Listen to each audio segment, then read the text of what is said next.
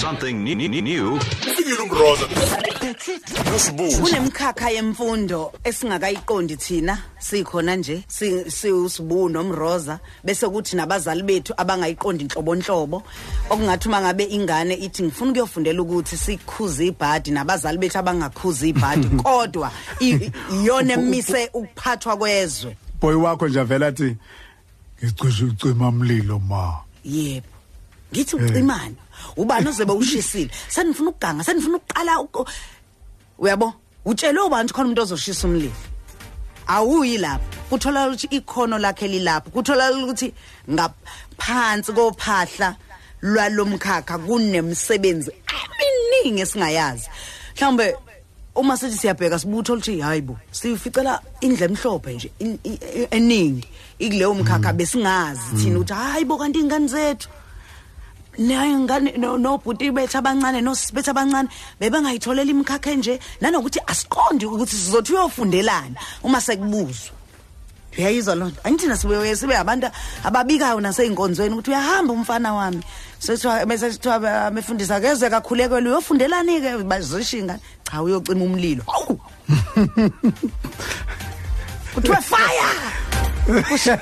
Fire! Uyayizwa loo nto? Uyayizwa? Nje manje-ke ingakho ela uwilson uthi wilson cha uyabona nje ekungazini kwenu mina ngizonitshela ukuthi ngazi kangakanani ngalo mkhakha. Asimbingelele sibu simemukele okhosini FM hey wilson uyaphila mfowethu. Eh ngiyaphila babushenge. hey uyamuza umuntu mangabe ngempela into eh, u- uyayi- umzwile um- umroza ezambula kuwe ukuthi asazi kangakanani ngeyicima mlilo ulwesithathu ke lwethu mfowethu sizothi awusifundise Wilson sicathulise engane yakwethu. Usitshele ngokuthi isicima mlilo nje umsebenzi wokucisha umlilo oqala siqale ngokubaluleka kwawo bese siza ngokuthi umuntu oyicima mlilo kusuke kulindeleke ukuthi nje enzeni uma engena ekseni emsebenzini usuku lwakhe luba njani yini bahle ndlale ni on standby ngaphela sekubona ukuthi kuthiwa senilana nje esikhathini esifishane ubaleke kangakanani ukuthi umphakathi nomphakathi ube nalesi sikhungo seyicima mlilo Eh ngibonge babushenge. Kodwa ngizothi la a- akukhombisi ukuthi analo ulwazi, kukhombisa ukuthi nazi kakhulu ngalezi zinto. usho njalo? Hayi, mani chaza nje ngezinto e- izigaba elenzeka ngakhona. Awu, Eh siyabonga. Awu siyabonga. Uyazi besingaqo sithi nje thina hayi cha impela eh asithi ke sizohlala nawe njengomuntu eh okulomkhakha noqonda ngoba phela uma umuntu evuka ekseni uyavuka athi uye office omunye athi umuntu uyavuka uyakuphi kuphi usukutshelwe ubani kuzosha uyabo? Uma kungashanga usuke enzani uyabo? Kanti yena ulinde ukuthi akushe. Uyayibona into enjani ulinde ingozi and uthanda yena uthanda lapho uma kusha khona. Kufa abantu izinto ezinjengalezo ingakho ke sithi ke njobe um- ethi sibuwo akusiniki isithombe nje sokuthi ngabe isicima mlilo senza umsebenzi muni? Eh uma imlilo ingekho sisuke senzani Okay, eh sizoqala nje samsane la ekuthini u- u- ukuba isicishamlilo kuba yinto esuka ngaphakathi ukuthi uyafisa ukusiza omunye umuntu.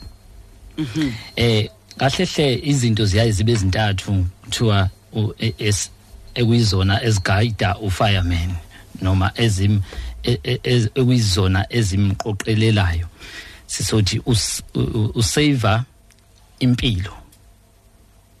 Sibuye sithi impahla izimpahla lapho kungaba imizi kungaba imoto kungaba yini but okuyimpahla kungaba imfuyo. Bese ezowenza usizo emphefumulweni womuntu. Lezo zinto mangalibeka ngolimi eh lesilungu kuthiwa we save life we save property and we render humanitarian services. Lokho kuguide ufireman ikona ekumgadayo kuyo yonke into ayenzayo. Eh bese siyaqhubeka ke size la ekuthini lezicishamlilo. Kwaba igama nje kwathiwa izicishamlilo kahle hle ave ngoba kucisha umlilo kuphela. Uningi lento mangayifanisa nje ifana ithi ayifane nesihlahla. Isihlahla siba namagatsha. Kuba khona isiqu kube khona amagatsha kuze kuthi isihlahla. Nalana ke kume kanjalo kuba khona umgogodla waso lomkhakha esiyayisithi ikhozi yakhona siyayisithi u firefighter 1 and 2 lowo ukhava wamukela yonke into esukuyenzeka kule kulesimo bese siyadlula kuyona bese iqala ke iba namagatsha ke ngokwahlukahlukana kwawo amagatsha. Ngoba phela imisebenzi le osuke wena uzoyenza kumele kube ukuthi ucwijile o ucijiwe kule misebenzi. Okokuqala nje sizokhuluma ngokuthi eh mangaqale ngibuyele kancane njalo lapha ku firefighter 1 and 2 lapho kukhulunywa ngezindle ezishayo ukuthi uma ungena endlini eshayo usuke uyokwenzani ukwenza kanjani ungena ugqokeni uphetheni ungena nobani ukuphi ozokudinga ngaphakathi ukuyosebenza ngaphakathi? Sikhumbule ukuthi inhloso yokungena lapha uyoseva umuzi iproperty futhi siqala ngempilo impilo yomuntu ongaphakathi. Bese sidlulela kokwesibili. Elinye igatsha sizothi kuyaye kuthiwe i-hazmat eh awareness. Kuyenye ikhozi lokho ekumele ukwazi ekuthiwa i-hazmat awareness lapho enidila nama-chemicals. Eh masingakubheka kahle kakhulu nje eh endaweni esihlala ngakuzona ama-chemicals amaningi aseningizimu akhiwa la eThekwini. Abesedlula kulabo masipala abancane elibangisa koKapa ko Free State kephi kephi. Eh lawo ma chemicals ke ayingozi amaningi awo. Amanye akasizo izingozi but anezindlela ekumele ukwazi ukusebenza ngazo. Ngizolinganisa kakhulu nje eh ngithi ngikwenza kube nokuqwasha naloko. Ezindaweni kukhona lokhu ekuyaye kuthiwe eh i-TG othola ukuthi bayajomba etruckini kuthathwe izimpahla ezingaphakathi. Uthola ukuthi uthathile ibhokisi leli bhokisi elekhemikhali yena akalazi ukuthi elani. Yebo yababa. O uthathile isipapaku wahamba naso. Mefika ekhaya leli bhokisi kumbe lesipapaku useyasivula. Leyo chemical engephakathi isiyaphuma. Ithola izindawo zokucasha endlini. Wonke umuntu ophefumulayo usiyayiphefumula le chemical ingena ngaphakathi. Uzwe kuthiwa umuzi uvalwe ngehlahla. Eh kuzoba khona ke i-hazmat eh ops. I-hazmat ops ila osuke wena njengesicishamlilo uya kuyona le chemical. Asithi ke mhlambe i-truck eyithwele le chemical iyasha.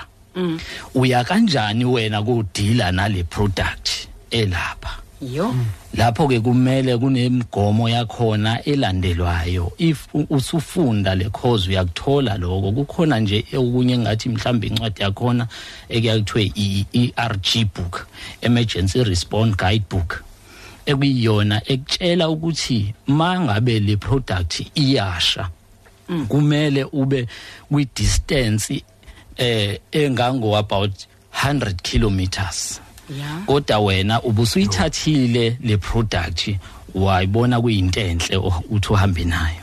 Uyoyidayisa la Uyoyidayisa. hey madoda. Uphinde ke le bhuku leli lona liyaye lisitshele kakhulu eh ngokusheshsha ukuthi abantu kumele baya babaleke baye kuphi. Uma sicisha akumele ucishe ngamanzi ngoba amanzi azoyenza ibe udlame. Yona le product. Eh kuningi okulandelayo nge eh, nge operation.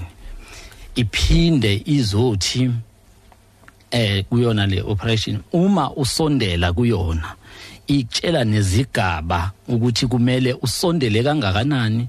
Lezo zigaba ngolimi lesilungu siyayisithi ama zoning kuba khona esithi i hot zone kube khona esithi i warm bese soba ne cold zone. Kunezindlela zakhona ke ezilandelwayo khona oma decon showers yonke lezo zinto ukuflasha down yonke ichemical esuku kuwena ukuze ubuyele ngala ku warm zone na ku cold zone usuphephile wena njengesicishamlilo hey uyazi ngiyabuka la nosibu unemibuzo eminingi afisa ukuyibuza la ay- ay- ay- ayibhalayo la. Eh uxakwa icareer ukuthi kanti inje njoba nami ngibona ngimangele ngi- ngi- ngikubhekile ngididekile ngibuka ngibuka ukuthi kanti ngaphambi kokuthi sibone umuntu ecisha umlilo kunabantu abanangaka abaningi abasemva kwakhe abamfundisile. Abanikazi bekhemikhali abayen abayiqalile le chemical abaziyo nokuthi emphakathi waseginga indlovu. Ayidingeki le chemical ngokungaka kufuneka usuke wonke uphela kushuthi ingakho ke kuthiwe sukani sukani sukani sekuyi truck ibalekani sithi thinini endaweni zobaba sihambe Eh impela kuya kube njalo. Uma uyibheka kahle i-truck mayihamba Ah. lapha ngaphambili iba nento engathi orange eyibhodi nje lincane like khoneni liya libe nenamba lelo bhodi. Leyo namba ibhalwa ngokumnyama kuthiwa igama layo yi-UN number. Siyayisathe leyo namba. Leyo namba ke iyona esitshela kahle hle leyo product elapho. Kwathina zicishamlilo masibheka leya UN number sisebenzisa izipopolo asiyibheki bukhoma ngoba uzosondela uyoyibheka kani yona beyithi product kumele ube 100 kilometers kude ne, ne product. Eh siphinde siqhubeke ngiqhubekele kokulandelayo la sithe phela isicishamlilo uthe 100 kilometers. Eh kuyenzeka ku- ku- kudependa ngaleyo chemical ukuthi yona ithi kumele ube ngakanani. Hayibo manje uma ngabe kuukuthi mhlambe truck iwele emphakathini i- u- u- kwenziwa njani ke lapho? Ake ngithi angithi thina sazi ukuthi fanele kube njalo. Uma kufika nina njengeyicima mlilo seniyifundile nenze njani qasha umphakathi ukuthi awusuke kwenzeka njani lapho? Eh lapho ngithi- ngike ngakhuluma ngencwadi engithe i-ERG book Ngikhumbula. I- i- iyona eyayitshele kahle ukuthi nina kumele nibe kude kangakanani nathi njengecishamlilo sibe kude kangakanani. Bese uzokwazi kanjani? Eh umphakathi phela ngithi uzotshelwa icishamlilo icishamlilo zine zinemibhobho ezimotini ememezayo besizwa amaphoyisa kwenziwe into kuyayi kuthiwe i-evacuation. Ku-evacuate yonke leyo area bese ifakwa ama-barrier tapes until kuze kuzofika um mhlawumbe abake hazmat eh eh eh company. Kuhlukene ngokuthi iproduct leyo ingakanani ima iseyincane lezo zicishamlilo ezilapho ziyakwazi ukudila nayo. But mase kuyi product esuke sinkulu kakhulu kukhona eh a- a- izinkampani ezivele zi- zisebenza lo msebenzi wama chemicals abatshuzi nabo bakhona aba- abayizicimeshamlilo nasemabhanoyini ngokunjalo. Eh mangabuyela nje mhlambe ngi- ngithi ukuqedela lama lama qualification akhe. Shuthi sike sakhuluma ngo fire 1 and 2 sakhuluma ngehazmat sakhuluma ngehazmat ops bese sizoba neextrication la esebenza khona unquma imoto mangabe abantu bebambeke ngaphakathi. Eh kuzoba khona i-high angle rescue. La owile eweni kuyaye ku- kuhlike icishamlilo ngezintambo ziyotatulula labo abasuke bephansi lapho eweni. Bese kuzoba khona i-water technique. Labo abashonile emanzini noma bamuke nomfula izicishamlilo futhi lezo zithola lapho ziyotakulula. Siphinde sizoba nokunye kuyi-BAA eh i-basic ambulance assistance.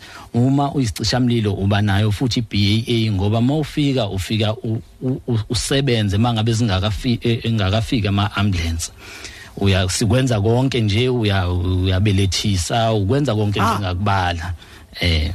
Alikho awu- awukho umbuso omile ongenazo isicishamlilo kushuthi ngamanye amazwi abazali uma ingane ithi ngithanda ukuyokwenza lo mkhakha sekufuneke bazi manje ukuthi abayidedele. Impela ngizothi nje lo mkhakha umkhakha obubukeka kakhulu kuwoba kuwebala ngoba ngikhumbula kahle nami ngiqala eminyakeni mhlambe la kushumi iminyaka eyishumi eh, nane. Ngiqala ukungena kulomkhakha abantu ababe baningi kakhulu kwakuwobala eh, eh, eh, elingafani nelami. Eh ngicabanga ukuthi u- u-content producer wethu u- u- uzo- u- uyocabanga ukuthi siphinde sikumeme futhi siyithathe lapho ogcine khona ngiyazi ukuthi kuningi esingakakhulumi ngakho asibe impela asilandelele sishenge Eh, ngoba sekuphele sona isikhathi mfethu kade ngiyabona ukuthi sesiphatha amanzi besingakafiki kukho saphatha ney'ndiza asikakakhulumi ngakho Uh, uma ungaphinde uzivumele mfethu siphinde sibe nalesi siphusha umculo 12 to 3